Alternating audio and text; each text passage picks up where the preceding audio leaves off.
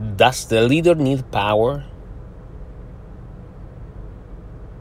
The answer is depends.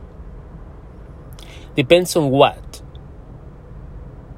From one side, depends on if you're a natural leader, if you have charisma, and if you have a good chemistry with your followers, believe me, you have all the influence you need to get the job done. So you don't need any type of power and use the power to make things happen. You already have it.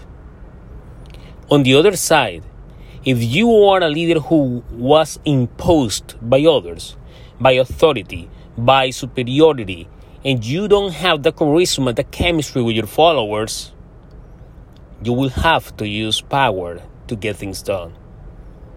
And the worst thing is the power can make you a bad leader, corrupt leader.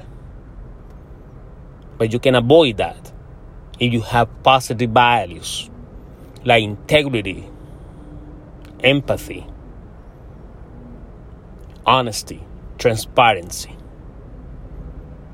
So, what type of power do you use as a leader?